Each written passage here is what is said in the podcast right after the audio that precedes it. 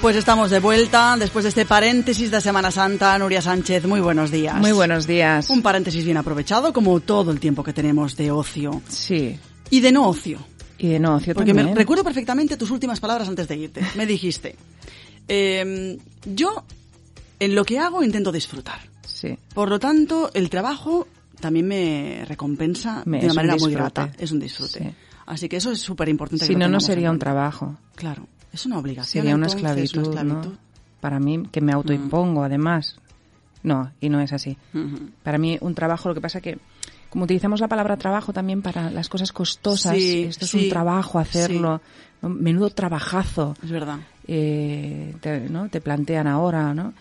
Eh, tiene siempre como una carga negativa y para mí no. No es así. Y viniendo de donde venimos, ¿eh? de hablar de, de precisamente del respeto a lo que hacemos, nunca mm, mejor, digamos, puesta ¿no? esta Sí. presentación porque respetar lo que hacemos es respetar nuestro trabajo y respetar nuestro disfrute en el trabajo. Sí. O sea que veníamos de esto, ¿eh? de, de hablar, llevamos unos cuantos episodios, ¿eh? Sí. unos cuantos platos servidos sobre el respeto Sí. a lo que somos, a lo que sentimos, a lo que hacemos. Incluso hiciste, recuerdo, una, bueno, como un poco de, mm, como un inciso, ¿no? Sobre el tema, Ujú. Sobre lo que es la tolerancia, Sí. los límites, Sí. ¿no? Que Sí. respeto y tolerancia son cosas distintas. Sí. Sí, sí, No- sí. no- no sí, estamos sí, hablando sí. de las No mismas estamos cosas, hablando ¿eh? de tolerarlo todo, Ahí está. ¿no? De respetarlo todo. Ahí está, veníamos de ahí. Y veníamos también la semana pasada de un, como un mm, diagnóstico o un Sí. autodiagnóstico, Mm. incluso podía ser un autodiagnóstico, ¿eh? porque di- lo Sí. planteaste así, ¿verdad, Nuria? Sí, sí, sí. Como la pregunta que nos tenemos que hacer eh, para saber si recomendaríamos Sí. nuestro lugar de trabajo a otra persona. Y ahí, A un familiar. A un familiar, exacto, no era cualquiera. No, no es a cualquiera, porque claro, si se lo dedicas a tu, si le dices a tu peor enemigo, oye, mira, estaría súper bien aquí. este lugar. No es cierto. Era si era alguien Sí. muy próximo, muy... a- Sí, alguien que para ti sea muy Exacto. importante, tu pareja, tu hijo. Ahí está. ¿no? Tú le dirías a tu hijo, lo mejor que Sí. puedes hacer es entrar a trabajar. Ahí está tu hermana o alguien cercano que Sí. digas, "Mm, voy a recomendarte. Entonces ahí teníamos eso, ¿no? El, el baremo aquel, era como el termómetro, la radiografía que hemos dicho, para saber si en el lugar de trabajo, pues, estamos en verde o en rojo, aquel famoso semáforo también. Sí, sí. Incluso sirve para familias, ¿eh? Sí, Que no nos olvidemos que nosotros Es siempre estamos tanteando las dos organizaciones, Es ¿eh? verdad, o sea, las laborales y las relacionales, ¿no? Las de casa también. Pues a nuestros hijos. ¿Cuántos de ellos recomendarían a su mejor amigo esta familia para vivir? claro. Ahí está. Bueno, venga. ah. Esto, es bonito también cuando los niños quieren venir a casa. ¿no? Sí. Pues dice, ah, bueno, pues está bien, ¿no? Los amigos quieren venir a casa. Sí. Entonces, cuidado que aquí ya está el el semáforo ya está Sí. poniéndote eh, el Sí, verde. o, o nuestro, o Mm. nuestro hijo quiere traer Exacto. amigos, Amigos a, a casa. casa. Sí, Eso es positivo. sí. Bueno, Nuria, y va- avanzamos en el, avanzamos ya en el plato aquel que yo esperaba El el, que postre. anhelamos. A lo que, respecto a lo que anhelamos. Mm. Porque ese decíamos, ese postre nos va a saber, Ujú, ujú. porque el respeto a lo que anhelamos es tan valioso, ¿verdad? Tanto. Tanto como lo, lo anterior, ¿eh? No decimos más, ¿eh? Pe- Pero Bueno. que a veces no le damos quizá la importancia que tiene. El anhelo, creo que al igual que el concepto trabajo, hay ciertos conceptos que como malinterpretamos, ¿no? Y parece que el anhelo a algo sea como que no nos merecemos anhelar, ¿no? Porque parece que entonces en- estemos como pensando solamente en nosotros y entra el concepto del egoísmo y de no sé qué, ¿no? Y yo para mí el anhelo es un motor de vida, ¿no? Es aquello que. ¿no? Que, que es lo que quiero conseguir, que es lo que me gustaría experimentar en mi vida y a partir de ahí mueves el motor hacia adelante, hacia un camino, hacia otro. Es muy importante tenerlo en cuenta, Mm. muy importante respetarlo, ¿no? Porque algo nos está diciendo ese, ese deseo de, ¿sí? Y hay que escucharlo. Entonces, a título personal, evidentemente, que hay que escucharnos y nos tenemos que respetar. Y a título organizacional, exactamente lo mismo. Y si no, pues nos pasan las cosas, pues, pues como te comentaba antes de entrar, ¿no? La noticia que traigo, bueno, que no, es, que no es noticia, que hace ya bastantes días que se está hablando, pero es un fenómeno que creo que no se le está dando demasiado bombo Mm. por miedo, por miedo a contagio, ¿sí? Y es el tema de la gran renuncia que está viendo, se le ha titulado así en Sí. Estados Unidos, la gran renuncia. Y es este fenómeno de esta cantidad de personas eh, un 2,4% de la capacidad laboral de Estados Unidos al mes está renunciando a su puesto de trabajo. Eso como país te sitúa en un punto de bastante peligro, porque mm, sí que es verdad que estas personas si renuncian a este, pues es porque en teoría se van a poner a trabajar en otro o porque van a emprender o porque, pero de momento en esas organizaciones en que las personas se les está yendo, se les plantea una serie de dificultad. No solamente por el hecho de que tienen que sustituir a la persona, sino porque toda eh, la inversión que como organización haces en el trabajador, en teoría, en su formación, en su adaptación al puesto de trabajo, en la relación con los compañeros, es un dinero metálico, no virtual, que se te pierde. Y esto no, no estamos hablando de, de, mm, indemnizaciones y las personas se van, no estoy hablando de eso.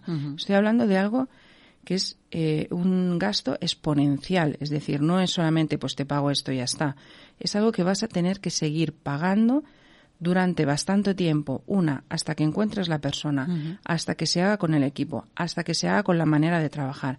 Es decir, que es una pérdida económica más allá de la personal, muy importante como para que las organizaciones empiecen a pensar por qué está pasando esto. ¿Y dónde ves tú eso? Iba a decirte las causas de esta renuncia. ¿Qué crees tú? ¿Dónde está la base? bueno, ya se han hecho muchas entrevistas a personas que están haciendo estas renuncias y casualmente desde fuera, como solemos pensar que el ser humano solamente se mueve por dinero, la primera cosa que había que descartar es si lo que estaban buscando es un aumento salarial. Motivo económico, ¿no? Seguro que buscan un aumento. Seguro que lo mm. que están buscando es tener mejores condiciones económicas. Pues no.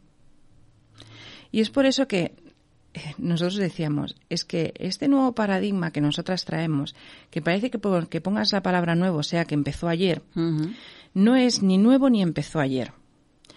Eh, ya lleva tiempo entre nosotros y entonces las personas lo evidencian así de esta manera.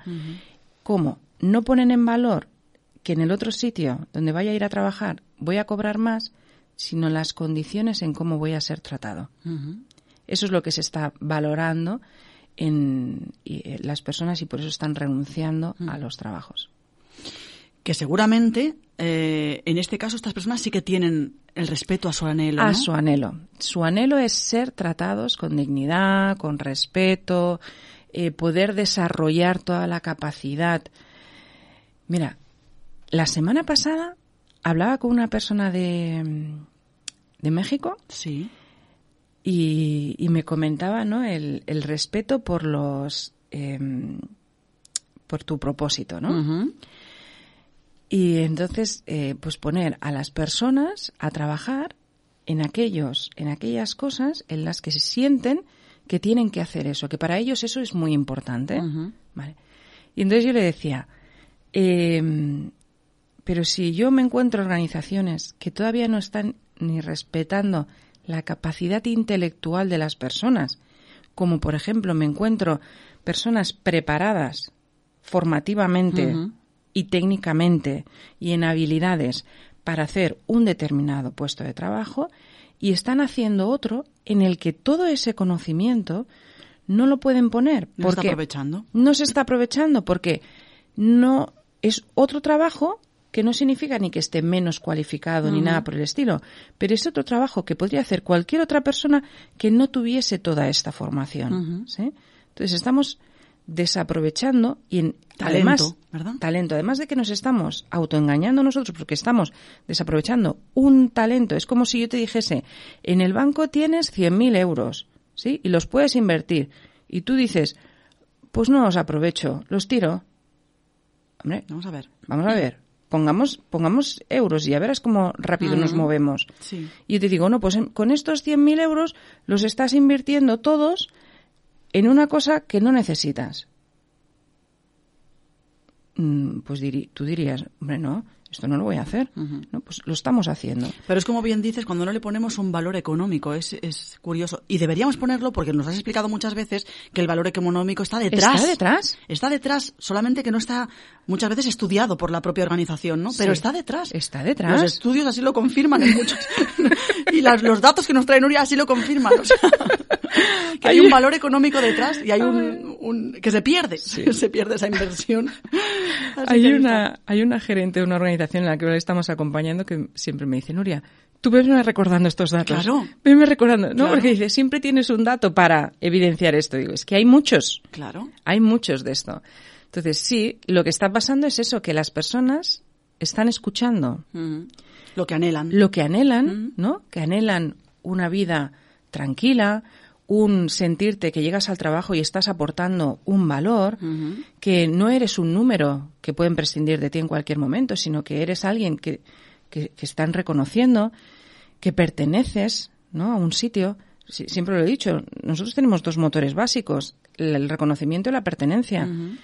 Están anhelando todo esto, se están respetando, están dejando los trabajos y, cada uno para una cosa eh, totalmente distinta. Sí que es verdad que la pandemia ha facilitado que las personas se escuchen más. ¿Sí? Sí. Sí, porque cuando hay un, riesgo de, de, sobrevivir. Exacto, de supervivencia. De supervivencia. Ahí actúa, que nos has explicado muchas veces también eso, ¿eh?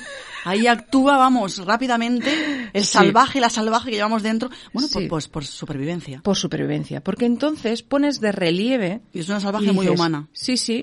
Y dices, un momento. ¿A qué le estoy dando valor en mi vida? Cuando veo que viene una pandemia y puedo morirme mañana. Sí, yo quisiera morirme mañana. Bueno, nadie quiere morirse mañana, evidentemente, pero ¿estaría bien si esto pasase? Le estoy dedicando, ¿no? Hay incluso, por ejemplo, ahora me ha venido a la cabeza, hay un estudio que se hizo a personas en fase terminal con unas preguntas de qué es lo que, si les diesen más tiempo, cambiarían en su vida. Todo, todo, todo, todo no era trabajaría más horas, eh, eh, desearía aspirar más una casa más grande, una casa más grande, nada, todo no estaba ahí. No estaba ahí. Estaba lo que somos en realidad, humanos. Claro. Más tiempo para dedicarme, pues eso, a lo que me gusta, a lo que me satisface, por ejemplo, ¿no? Sí, sí. Y es y, esto es todo lo que hay detrás de la gran renuncia. ¿no? Son personas que se han escuchado, que han valorado la situación que tienen que dicen, pues a lo mejor puedo pasar con menos o con lo mismo, mm. porque no estamos hablando tampoco de que ahora haya que sobrevivir con menos dinero, que esta es mm. otra de las trampas. No estoy hablando de eso. Estoy hablando de que puedo estar ganando lo mismo en otro sitio, pero que mira, en este otro sitio van a entender la conciliación familiar. voy a tener un ritmo de trabajo saludable y sostenible, muy importante. Ya hablaremos un día de esto, del ritmo de trabajo sostenible, porque si el ritmo... Me lo apunto, Nuria, porque como nosotras hablamos de tantas cosas y nos, se te van ocurriendo tantas, lo del ritmo sostenible me lo apunto. Sí, sí. Pero bueno, como, como frase es, si los trabajadores no tienen un ritmo sostenible de trabajo, la organización nunca será sostenible. ¿Sí? O sea, vamos buscando siempre la sostenibilidad de las organizaciones. Tanto que se habla de la sostenibilidad, ¿eh? Pues lo primero que tienes que mirar es que las personas tengan un ritmo de trabajo sostenible. Si no, pasarán cosas y esas cosas tendrán unos costes económicos por detrás. ¿eh? Entonces, por ahí estás perdiendo dinero. Otra cosa que anhelamos, el ritmo sostenible de trabajo. Un ritmo sostenible no significa un ritmo bajo, un ritmo lento, porque eso tampoco nos beneficia. A veces que, ¿no? Las personas sobre nosotras mismas pensamos que el hombre mientras menos trabaje mejor. Y no es cierto. Tú pones una persona sin ninguna responsabilidad en una silla y le dices que le, que le vas a pagar 10.000 euros y no te aguanta tres meses. ¿Sí? ¿Por qué? Porque necesitamos sentirnos útiles. ¿Sí? Y entonces, cuando una persona no tiene absolutamente nada, nada que hacer, nadie le pide opinión, nadie lo tiene en cuenta para nada, se va a sentir mal. Tal vez inicialmente no, porque nos va a poder el dinero y bueno, pues yo me desarrollo fuera del trabajo y ya está pero con el tiempo todo el mundo necesita lo mismo. Pues vamos a dejarlo con este mensaje, Nuria, porque el hacernos sentir mal y el no tener eh, respeto por lo que anhelamos nos va a llevar a otro ejemplo que me adelantabas hoy, y pero hoy no nos da tiempo de hacer. Y creo que la semana que viene será muy interesante recuperar el hilo para hablar de ese ejemplo. Muy bien. Muchísimas gracias, Nuria.